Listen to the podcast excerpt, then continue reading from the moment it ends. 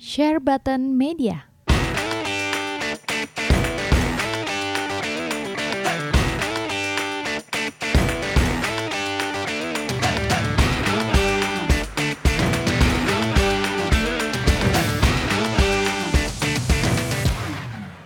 Hai guys, welcome back to our channel di Share Button Podcast Toys and Gaming bersama gue Jonathan Jojot di segmen Dunia Dalam Gaming. Kalau Dunia Dalam Gaming biasa gue sendiri ngomongnya.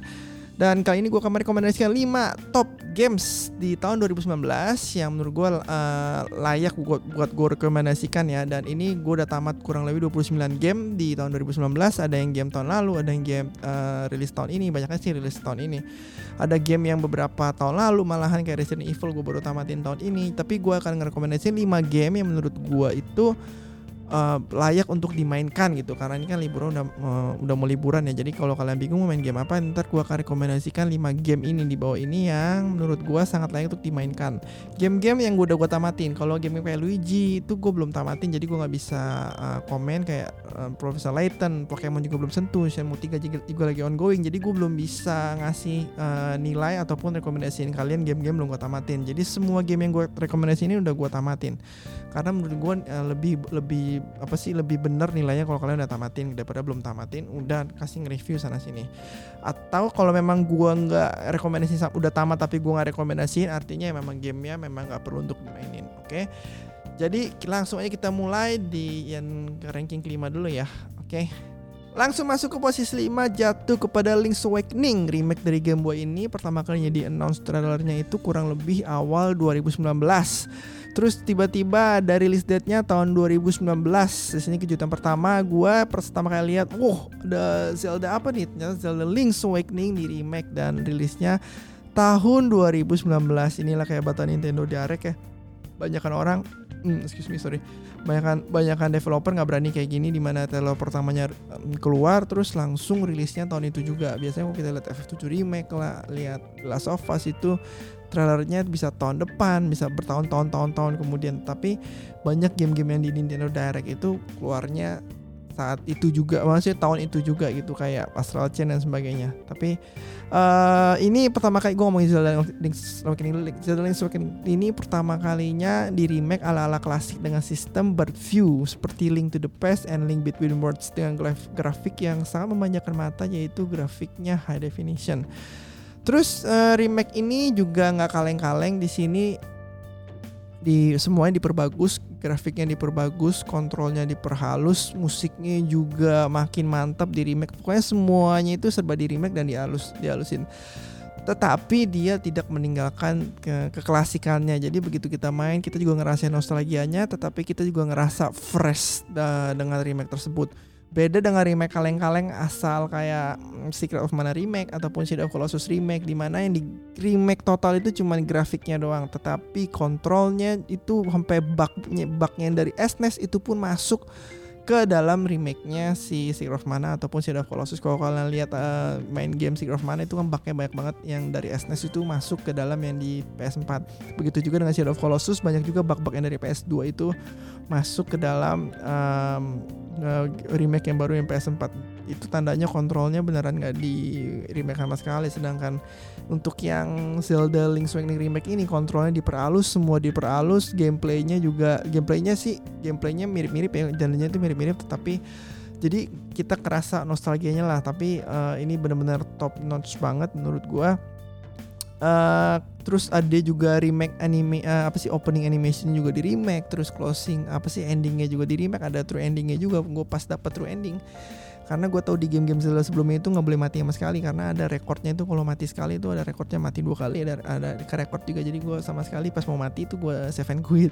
Jadi gue benar dapat true endingnya. Dan itu juga animasinya bagus kayak studio Ghibli jadi kalau teman-teman yang belum main Zelda Link's Awakening, gue sangat rekomendasiin ini untuk yang udah pernah main, kalian akan merasa fresh juga. Untuk yang belum pernah main, kalian juga akan ngerasa fresh juga. Tapi kalau udah pernah main, ada kerasa nostalgianya. Jadi gue sangat merekomendasikan game ini. Ini game kelima yang gue rekomendasikan untuk game keluaran tahun 2019.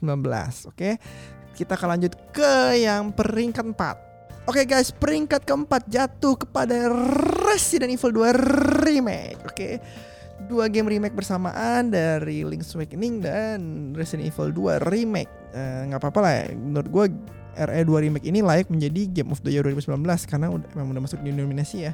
Biarpun orang-orang banyak yang bilang kalau game remake nggak layak, tapi kalau memang game remake-nya itu bagus banget, ya gua rasa why not gitu. Kurang lebih remake ini sama dengan remake uh, Link's Awakening di mana grafik baru, style baru, kontrolnya juga di remake. Pokoknya semua di remake nggak abal-abal kayak Secret of Mana pun Shadow of Colossus ya. Jadi semua benar-benar di remake, uh, tetap kerasa banget biarpun semuanya baru, tetap kerasa banget nostalgianya. Bahkan menurut gue remake-nya lebih bagus dibandingkan dengan Zelda Link's Awakening.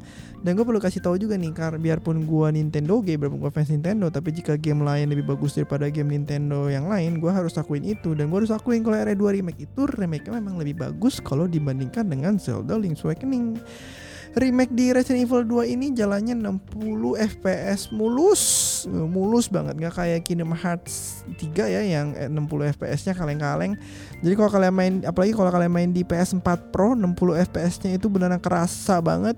Di sini RE Engine kembali membuktikan kalau engine-nya itu sangat-sangat bagus dan stabil dalam mempertahankan fps nya dulu sih gue sempet demen sama Fox Engine-nya Kojima ya Uh, karena dia juga 60 fps-nya juga mulus dan gamenya juga terasa enteng ya. Tapi apa daya cuma 3 game Metal Gear Solid Ground Zeroes, Metal Gear Solid 5 dan PES 2017 kalau salah gue lupa lupa inget ya.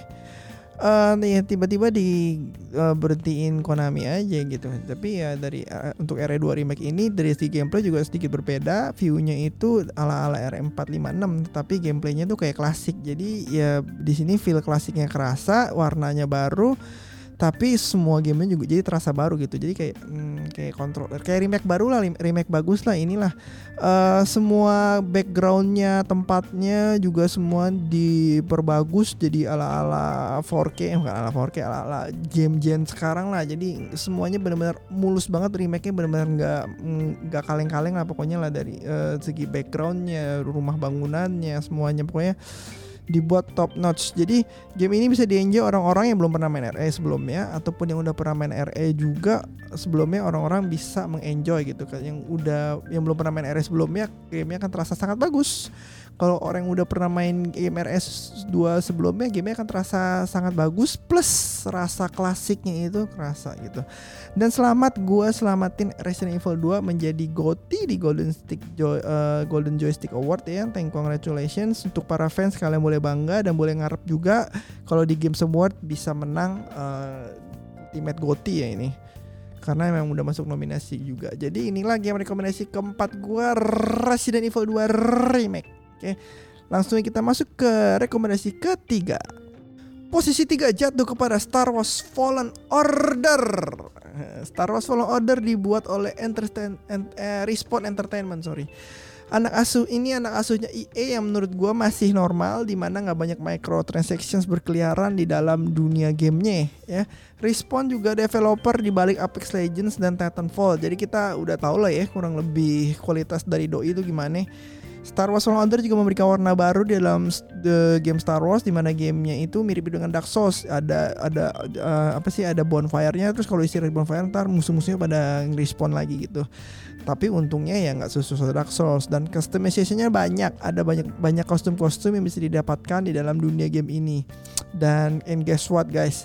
It's freaking free. Jadi nggak ada microtransaction sama sekali di sini. Setidaknya sampai pas gua tamat itu kurang lebih beberapa hari setelah rilis belum ada microtransaction uh, microtransaction apa-apa.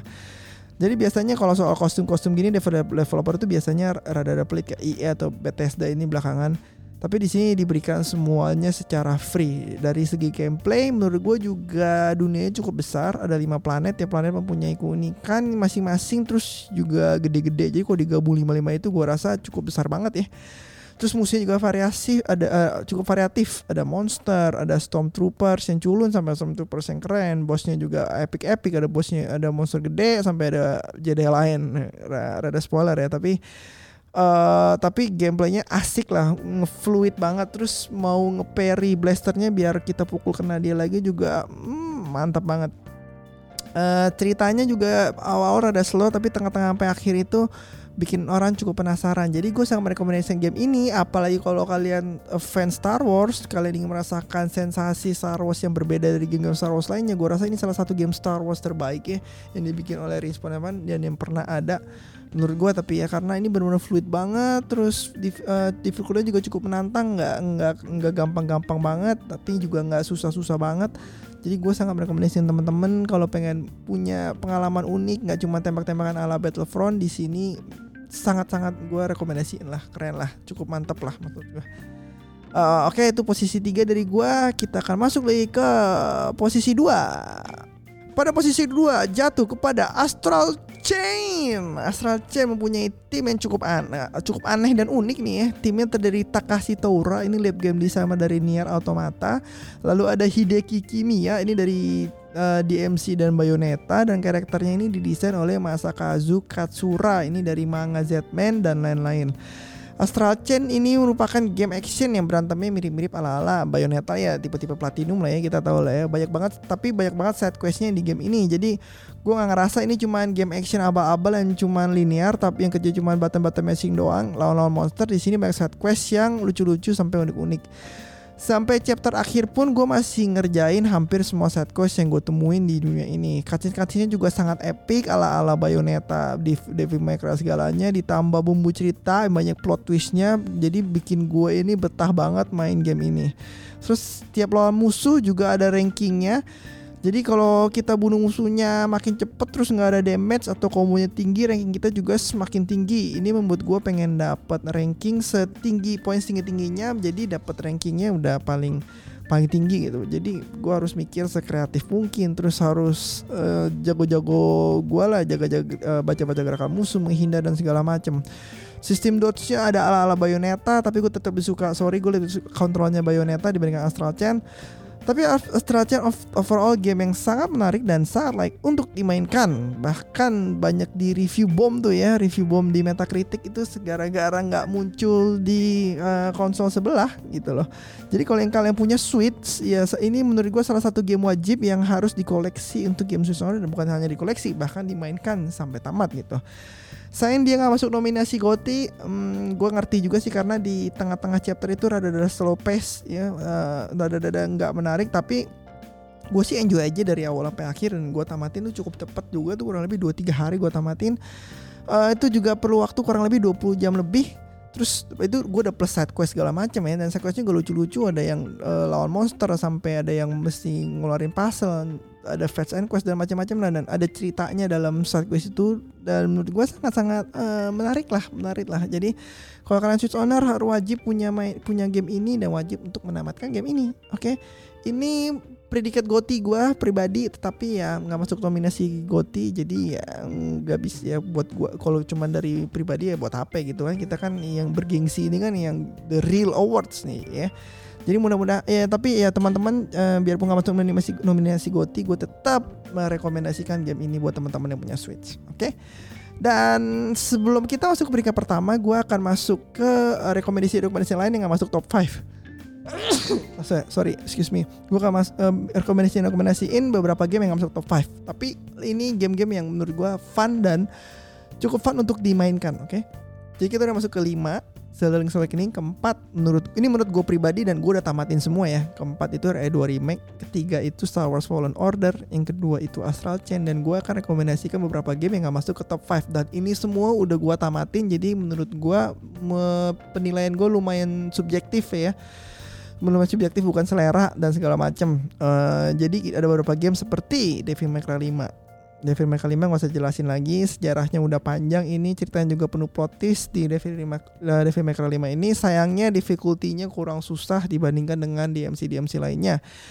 Tapi ini salah satu DMC terbaik yang pernah gue mainin Oke, okay, uh, eh, ceritanya oke okay, dan kontrolnya juga mak uh, makin diperbagus dibandingkan DMC DMC sebelumnya. Dan kalau kalian mau game action yang bagus juga setelah Astral Chain DMC 5 salah satu game action terbaik juga di tahun 2019. Ada juga Kingdom Hearts 3 penantian belasan tahun dari Kingdom Hearts 2 di PS2 akhirnya muncul juga di PS4 tetapi sayangnya Nomura Tetsuya ini masih pakai style lama di mana ceritanya ini semua terasa slow banget dan dunia Disney ini yang kita jalani satu-satu ini nggak ada hubungannya sama sekali dengan akhir ceritanya gitu.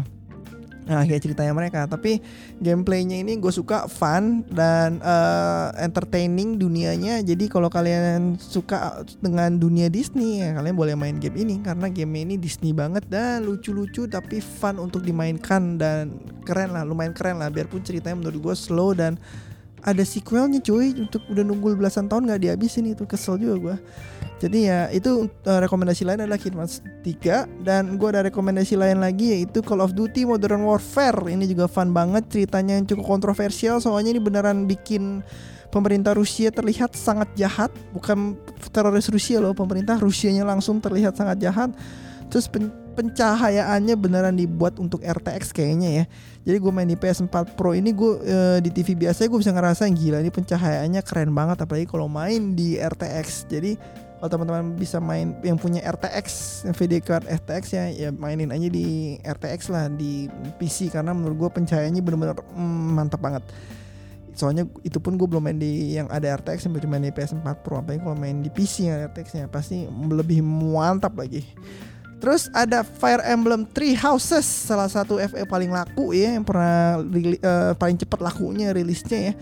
Tapi gue nggak bisa ngerasa eh, gue bisa ngerasain juga banyak orang yang bosen dengan gamenya. Soalnya kelamaan di sekolah karena ini sistem baru jadi ada sistem sekolahan di mana kita bisa dapat item-item nambah skill eh, nambah-nambah relationship juga.